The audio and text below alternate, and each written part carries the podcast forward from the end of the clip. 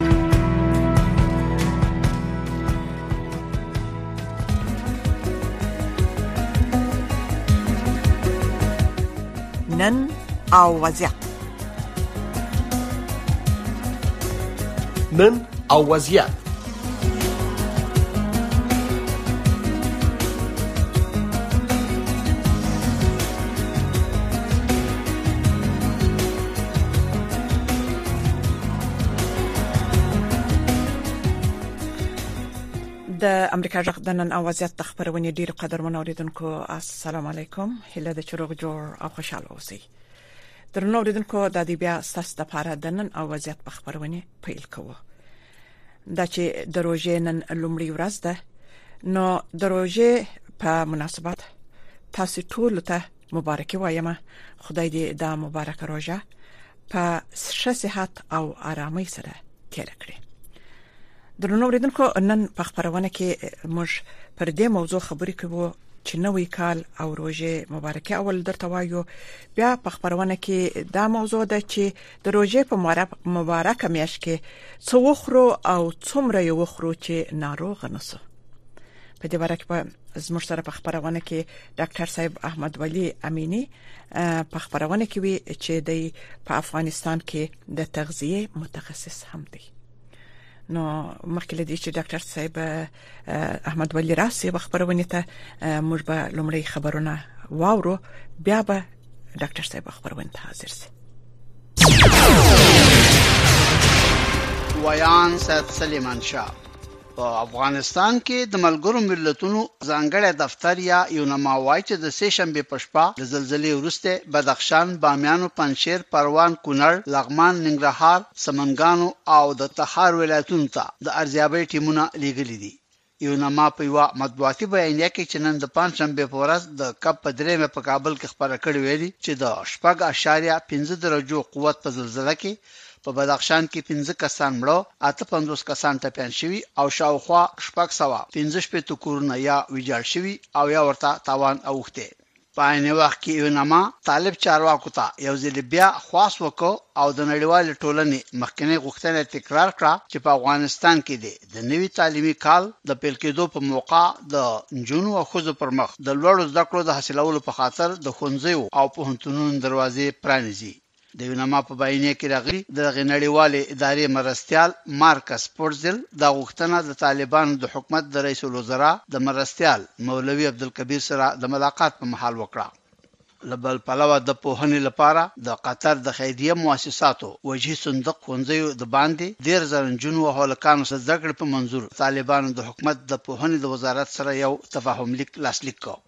د طالبانو د حکومت د رئیس الوزرا د مرستیال ملا عبدالغني برادر دفتر په یوې مطبوعاتي بیانیې کې ویلي چې د ازبکستان د جمهور رئیس ځانګړي استازي عبدالعزیز کاملوف له نوموړي سره په کابل کې د ملاقات په مهال ویلي دي چې ازبکستان د نړیوالو نورمونو او سټنډرډونو سره سم د افغانستان لخوا د امو د سیند د اوبو د استعمالولو مخالفت نه کوي. زموږ خبریال وايي، کاملوف چې د یوه حکومتي هیات په مشرۍ کابل ته تللی و، د طالبانو د حکومت د دفاع او بهرنیو چارو وزیرانو مولوي محمد یعقوب مجاهد او امیر خان متقي سره هم وکتل او د قوش تېپې د زراعتي پروژې په باب یې خبرې کړي. د مطبوعاتي رپوټونو له مخې ویل کېږي چې ازبکستان د افغانستان په شمال کې د امو د سیند په غاړه د اوبو لګولو پر دغې پروژې باندې کار له پیل کولو نه ناخوښ دی. د امریکا د بهرنیو چارو وزیر انټوني بلینکن پرون د چهارشنبې په ورځ د یوې استماعیه غونډې په وخت چې د اپریل تر نیمایي پورې به له افغانستان نه د متحده ایالاتو د وتلو په اړه د کانګرس غړو ته مفصل معلومات برابر کړي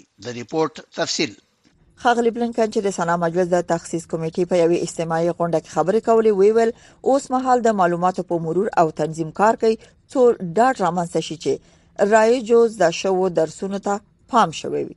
د متحده ایالاتونو د بهرنیو چارو وزیر په داسې حال کې د سنا مجلس په یوې استماعي غونډه کې ګډون وکړ چې د کانګرس غړي د 2020 کال په اگست میاشت کې له افغانستان د امریکا د وټلو په اړه معلومات غواړي د امریکا د استازو مجلس د بهرنیو اړیکو د کمیټې مشر مايكل ماکال څو ورځې وړاندې ګواښ وکړ چې د بهرنیو چارو وزارت له افغانستان د امریکا د وټلو په اړه هغوی ته لازم معلومات ورنکي د یاد وزارت یو شمیر چارواکي به احضار کړي د امریکا د کانګرس جمهوریت غوښتونکو له افغانستان د امریکایي ځواکونو د وټلو په اړه د جو بایدن په تګلارې نیوکه کوي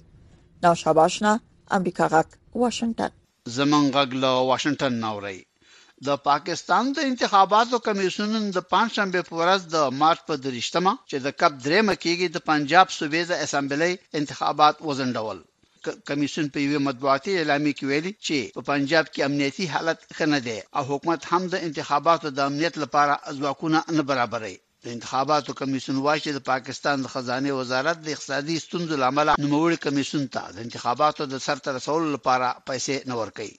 د نیویارک د ښار د یوې فدرالي محکمې قاضۍ لوریتا پریسکا د ایران مرکزي بانک ته حکم وکړ چې د هغو امریکايي عسکرو کورنیو ته یو اعشاریه اته شپېته میلیارده ډالر د تاوان په طور ادا کړي چې په نولس سوه درې اتیا میلادي کال کې په لبنان کې د امریکا د سمندري پوځ پر اډې باندې د موټر بم په مرګاني برید کې وژل شوي وو. امریکايي مامورانو ایران د برید کوونکو په مالي ملاتړ تورن کړی و.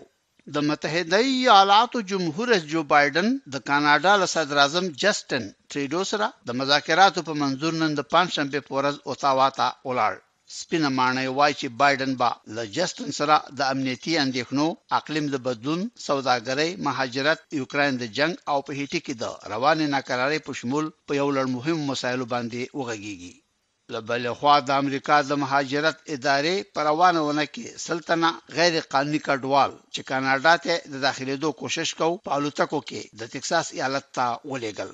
د امریکا د بهرنیو چارو وزیر انټوني بلېنکن ویلي چې د روسیې سره د چین ډیپلوماتیکي او مادي ملاتړ د یوکراین د جنګ د پای ته رسولو او د متحده ایالاتو د ګټو په خلاف عمل دی. توقع ده چې اروپايي اتحاد نن د پنجشنبې په ورځ د یوکراین پوځ ته د حربي مهماتو لېږلو د پروسې د ګړندي کولو په خاطر د دوو میلیاردو ډالرو په ارزښت پلان منظور کړي. د رویټرز خبري اژانس د خبر له مخې، د اسراییلو د سرحدي ځواکونو یوه خفیه غړي نن د پنجشنبې په سهار، روژې په لومړۍ ورځ، د اشغال شوې لوېدیځې غاړې د تل کرم په ښارګوټي کې د امیر ابو خدیجه په نوم یو پنځه ویشت کلن فلسطینی پر سر وویشت او ویې واژه. او د طالبانو حکومت د معمول برخلاف نن د پنجشنبې په ورځ د کب په درېیمه د روژې په لومړۍ ورځ عامه رخصتي فسخه کړه. د خبرونو پای. قدرمن اوریدونکو بیا هم تاسو د نن او وضعیت و خبرونې ته ډیر ښه راغلاست او بیا هم د روژې د مبارکې میاشتې مبارکې تاسو ټول ته وایم او هم د غراز د نوي کال مبارکې هم درته وایم قدرمن دوستانو او ګران اوریدونکو دا چې نن د روژې د مبارک میاشتې لومړی ورځ ده نو موږ وغوښتل چې د روژې په میاشت کې څو وخورو او څو نه خورو یعنی دا چې زموږ د روژې په میاشت کې څه ډول خواړه وخوړل سي چې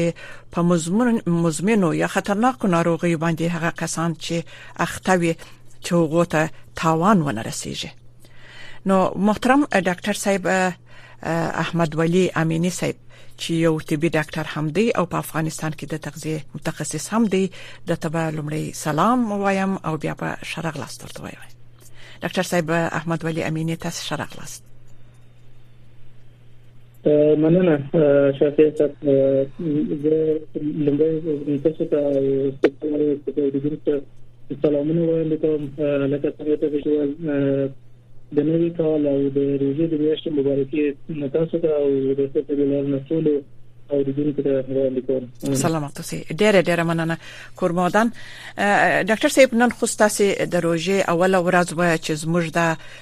یعنی شپه د نن د روژې یو روژه مو ونیول او دوهمه روژه د دې سبا ده نو زموږ بیا هم دا اوس د روژې اول ورځ ده چې د دې 12 نیمه بجې دی د غرمې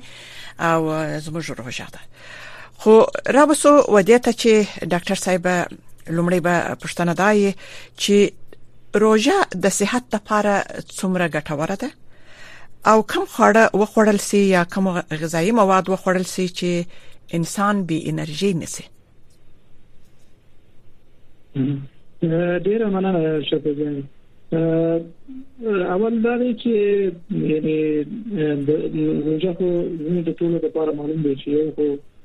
د اسلام دریم رکن دی او د رحمت برکت او مغفرت میاشت په دې کې هیڅ شک نشته ولې موږ هغه سړي بخش راځو لکه چې تاسو ویل یعنی پروژه کې هغه مریضان هغه کسان چې مثلا ډوډۍ ډېر ته ضرورت لري یا لږ ته ضرورت لري دا به چې څه هم سره وساتي نو روزه د یو میاشت چې موږ لپاره یو فرصت دی موږ د وجود لپاره چې هغه اضافي غذایی توکي یا غذایی مواد چې موږ په وجود کې د سرتي دي لکه غوړ دي لکه نور مواد دي نو دا غوي د لپاره یو زمينه ده چې لاقل یو بلانس یو اندازې ته راټیټ یعنی ورته نو روزه دا زمينه مونږ ته مسایل دي چې خپل هغه غړي چې ډېر مسایل دي چې مثلا زړه دی او مثلا نو وجود دی نو دا وی بار څه کم دي نو که موږ د روزي نشنه فرصت په اساس باندې استفاده وکړو او خپل خواړه په یو بلانس یو په اندازه باندې تنظیم کړو نو دا د دې سبب دی چې هغه زمونږ ذخیروي مواد چې په وجود کې دي هغه استفاده وړ وګرځي او مصرف شي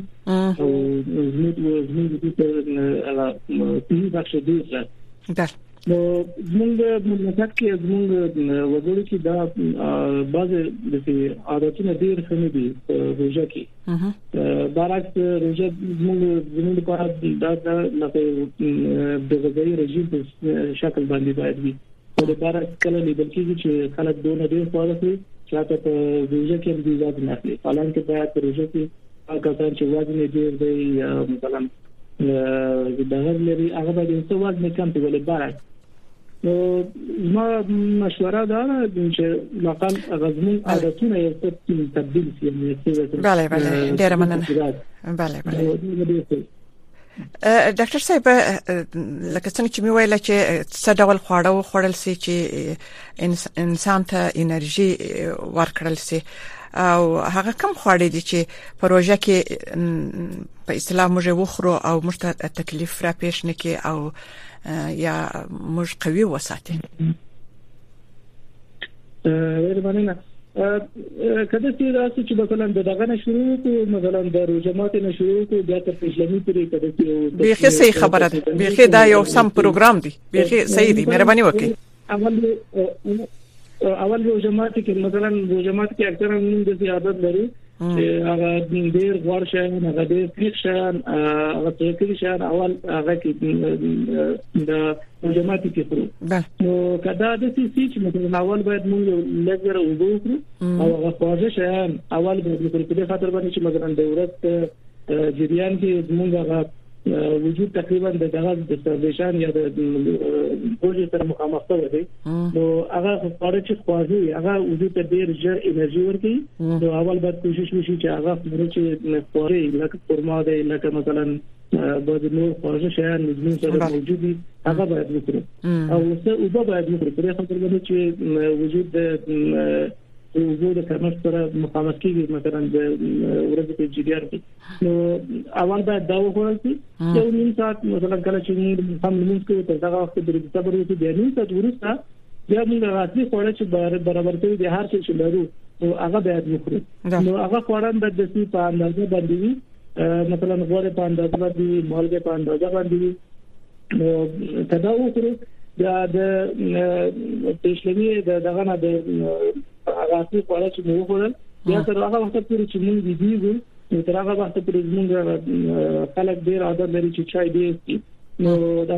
د چای وخت فقط دغه وخت نه دی چې مثلا هغه په اړه چې موږ مثلا مثلا د لمونځ نه چې راغلو د شروع کو تر هغه وخت پورې چې موږ ویدو د دې وخت باید اوبه او چای باید ډېر وڅښل شي د دې خاطر باندې چې هغه وجود مثلا د ورځې څه د اوبو د کمښت او د انرژي دغه سبب دی د تکمیل شي او اکثرا د مین پوره کې اصلي پوره کې چې مثلا موږ خورو د دې کوشش وکړو چې دلته هغه غذای مواد چې پروتین لري مثلا کاربوهایډریټ لري مثلا پروتین یا غوښه یا مثلا نخود یا لوبیا نو دا سره کوم ترکاری سره استفاده وکړي چې د واټ یا زموږ په توان او میوه سره وکړي نو دا د دې سبب ګرځي چې لقب هغه وجود د دوامدار پر دغه وساتي او کله چې موږ اسلامي کې ځو اسلامي کې هم اکثرا عادت دي چې بعضی خلک د دې چې مثلا اسلامي اصلاح نه کوي حالانکه دا څه کار نه دی یعنی د وجود لپاره دا څه نه دی چې خاطر باندې زموږ مثلا د شپې په اوله وخت کې خواړه خورو او دا د تر خط د ورځې پورې چې موږ د ورځې د ژوند چې د بل دغه ته د جماعت کې تر هغه وخت پورې موږ د وجود لپاره کفایت نه کوي او دا شته چې په اسلامي کې هم باید شفاعت وکړي چې هغه خواړه وکړي چې هغه د ژر هضم نشي لکه هګۍ دی وکړي چې دی وکړي یا مثلا وریجې دي نو دا د دې سبب ګرځي چې د تجر هاضم نشي او د ورځې په جریان کې هغه انرژي چې موږ ضرورت لرو هغه د دوامدار موږ راکوي او موږ د خستګي او د استریا د احساس نه کوو او دا چې نه کیږي اصلا اصلا کوشش کوي چې اوبه دې وڅکل چې د چای په ځای باندې بله ډاکټر صاحب اکثره خلک وبخښي اکثره خلک ډاکټر صاحب د روزمات په وخت باندې یخ اوبه چشي ستاسو په نظر دا یخ اوبه د معدې د پاره څنګه وي اکثرا یو موږ هغه هغه ځای کې چې ډیر ګرمي دی او په دې د خپل څه کار د روزا په دې وخت باندې راغلی دی چې وسته په موږ څه کندل دي او هغه چې یخ دی ډیر ګرم نه دی او هغه ځای چې هوا ډیر ګرم دی نو خلک په دې باندې ډیر دغه چې باید یې څه ووسي ولې د صحي د لحاظه یا د دې د لحاظه دا تر څه چې اوبه باید د ډیر یې شي نه یعنی په هغه اندازه باندې چې سړی د احساس وکړي چې یعنی د وجود د ګرموالي په اندازه باندې دې بیا خو چې د دې یخي د دې سبب ګرځي چې میدا دغه دغه اشتیا چې لري اشتیا نو ورکیږي د دې سره بیا د دې سبب چې سړی مردم خورنه څه وړي هغه وخت یې نه څه وړي بیا ورته دغه شنو تندې نو که وبا یو څه د شیرګر ما غوندي یعنی د دې د دې یخني او دا د وجود لپاره پر د میوه د پام پر میوه په دې باندې آماده کیږي نور خورو ته دغه آماده او نور پرم وخت بله ځینې خلک د ډاکټر صاحب چې د معدې خورا سخت تکلیف لري یا د معدې زخم لري د معدې تیزاب لري او دوی به هم تیزابي مواد خوري نو د دوی لپاره تاسو څه توصيه لري چې دوی څه ډول خواړه وخوري خصوصا د روزه مات پر مهال باندې تاسو خو ویل چې په روزه کې باید اول د روژه مات پر وخت باندې اول او به وچرل سي بیا یو لرسه خور شي او خورل سي ځینې خلک د چې د خوړو خوړو توان هم نه لري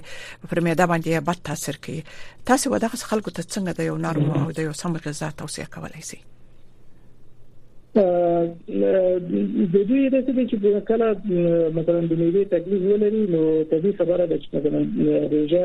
هغه ملي تبلیغ یو څه ډیری په دې خاطر باندې چې ډیر وخت پورې نفاري او سره وځي پاتې کیږي نو په دې خاطر باندې هغه بیا هغه توصیه ده مثلا کله رجمات کی او مثلا د رجمات نه وروسته چې پاره پرې هغه باید ډیر کړي نه مرچ د مرچي او ګری شیان باید ونه لري او دا ډیر وخت په دې خاطر باندې چې دا د دې سبب ګرځي چې هغه د میوه اسیدیټي کموي او دا د دې د مننه مطلب دی چې مثلا د راتلونکي مثلا دوه یا درې ساعتې څلور ساعتې ته نو دې ته ښه ده چې دغه ورکې دي چې استراحت وکړي او کولای شي چې نور خواړه وخوري دا چې نور خواړه هم ورسره یو ځای وشي یو خوړل شي نو بیا د میري تکلیف د ورځې په ځمن کې د نړۍ سره نه پټ کېږي کله چې هغه مثلا ډېر تریخ او ډېر مثلا څوکۍ شیان وکړل شي نو د د شپې د نن هغه په تکلیف کیږي حالانکه هغه د ورځې روزه نه دي نو بیا نورم په تکلیف کیږي نو دا خدای چې هغه خواړه د پیټ په ترتیب وکړي او څو ځلې وکړي د څه چې یو ځل بعض کسان د سنستا چې مثلا هغه جماعت چې یو ځل ټول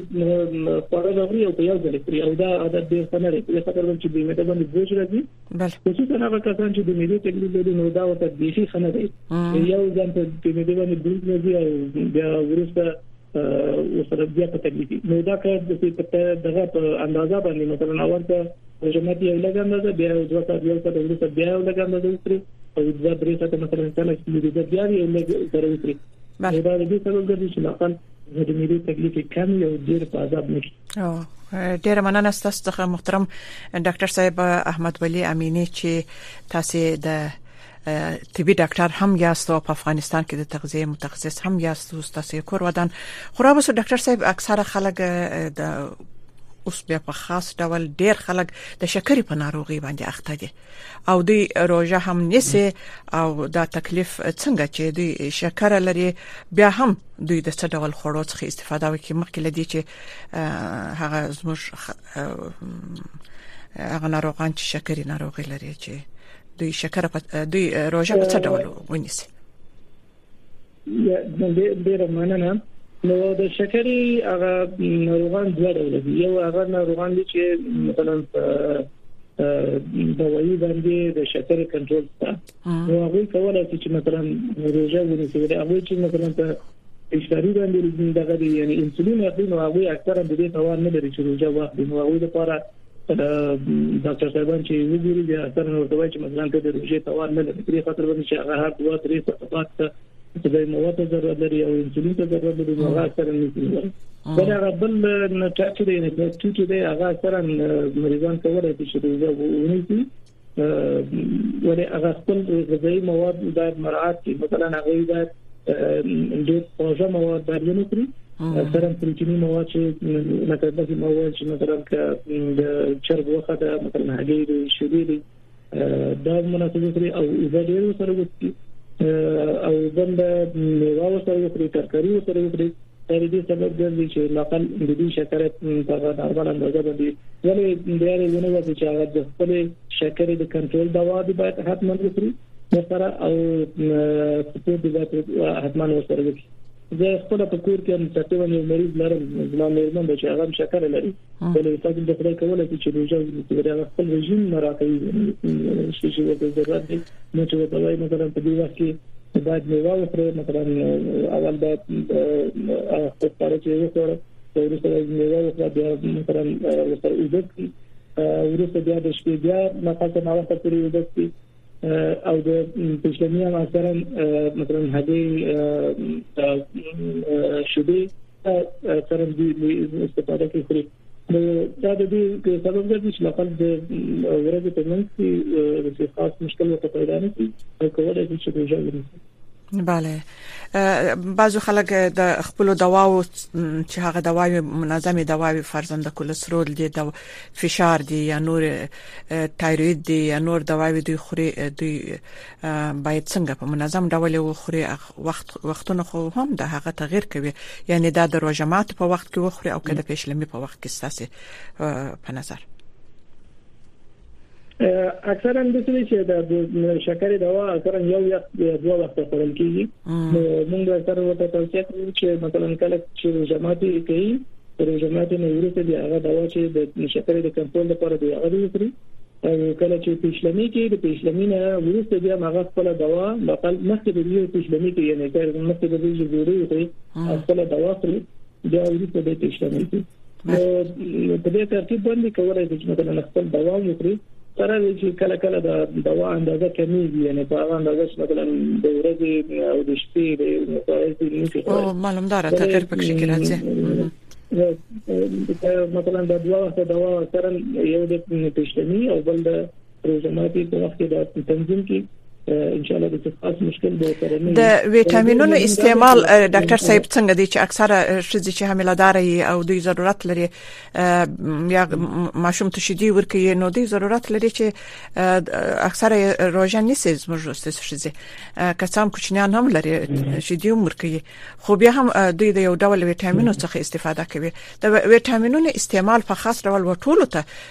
په کم وخت کې شدي چې د روزمات په وخت کې او که د پیشلمي په وخت کې دا ډېر مهم پښتنه ده په دې خاطر چې اوریدونکو په دې باندې پوه شي اکثرا دا ویټامینو یا مرناکو د سپلیمنټ چې موږ راوایي یعنی اضافي وتاوي دا د مېندو لپاره خو څنګه هغه چې مثلا حامله وي یا هغه چې د ورکون کې یا مشمانه ته شي ورته د دې لپاره ډېر ښه دی چې باید یې خوري اکثرا هغه خو وخت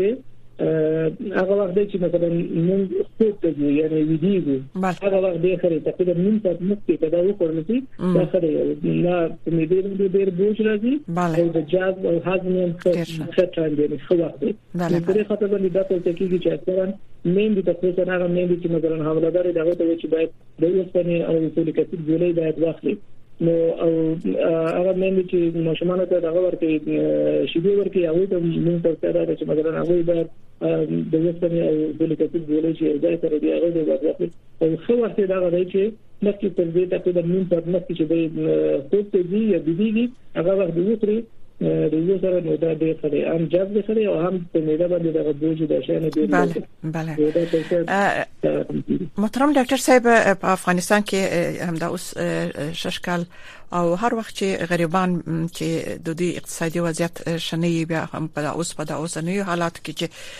د افغانستان اقتصادي وضعیت شنه دی اکثره غریب خلک چې دوی په اصطلاح تاسو څه توصيه و دوی ته کوي چې دوی ته نه سم غذا رسیږي نه سم ډوډۍ رسیږي تاسو توصيه و دوی ته څه ده چې دوی په چی شي باندې انرژي واخلي چې هغه خاص یو دغه یو غذا ورته تاسو وروښوي چې هغه دوی وخوري چې هم د دوی وصحت ته تاوان ونه رسوي او هم دوی روزه پونی ولای شي دا خو تقریبا واضح خبره ده په دې خاطر باندې ته ته متوجه یې چې دا غوال کې ما چې د پورو هغه ډولونه ډېر تشریح نه کړ په دې خاطر باندې چې اکثرا زموږ د وګړي واقعا تقریبا نیمایي زموږ وګړي د دې توان نه لري چې خپل خپل دوه وخت خواړه ځان ته برابر کړي بله ډېر واقعا د تشویش وړ خبره ده موږ هر ورځ دې ده بله زموږ توصیه دا ده چې خصوصا شهرو کې دا ډېر مشکلات یعنی خلک د دغه سره موجود وره چې چې د اخرې موږ دې ته چې چې لاکه لا دوی چې ډېر خواړه مثلا خپل ځای ته ډېر سره مثلا هغه ډېر ارزان هم دی ډېر ګران هم دی مثلا شیدې بازار کې پیدا کیږي او کلی کې ډېر پیدا کیږي مستي کې چې ډېر پیدا کیږي بازار کې ډېر پیدا کیږي نو کدا خورا تقریبا د د د مرا شکل یو خورل شي هم د د دې د دې وجود د تبدیلولو سبب ګرځي په خاطر د چې هغه هم تقریبا مکمل غذایی مواد لري او شیدې هم مکمل غذایی مواد لري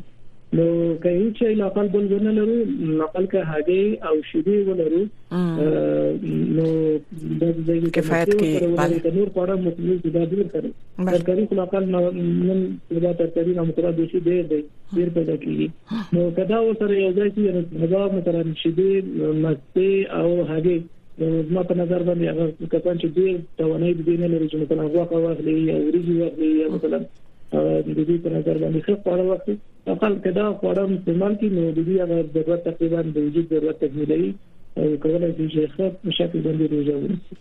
ډیر مننه واقعا د زموږ ستاسو د ټولو وظیفه ده محترم ډاکټر صاحب د افغانستان اقتصادي وضعیت ته پکتو سره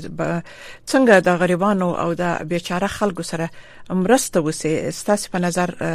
چې دوی یو لړ څه د دوی په دروازه کې د دوی مشکلات حل سیسته توصيه هغه خلکو ته چې گزاره یې کیږي او د دوی ژوند لړ څه سم یې د دې چې اوس تقریبا ګورم د خارو کې یا مثلا هغه ځای کې دا غریب خلک ژوند کوي ټول غریبان دي ولی یو رقم د دغه تعاون ته د خلکو په منځ کې هغه کسان چې یو څه توانایي لري هغه د یو څه د خلکو سره دغه چې کومه کې یو معلومات ورسره کوي ورځما غوښتنه د ټولو نه هغه دی چې یو څه مثلا د دوه ډېرې توان لري لا خپل یو ډېرې خپل ځان ته وکړي یو ډېرې د نورو ته شریکي ترڅو هغه هم د دې نه مستفید شي د دې نه استفاده وکړي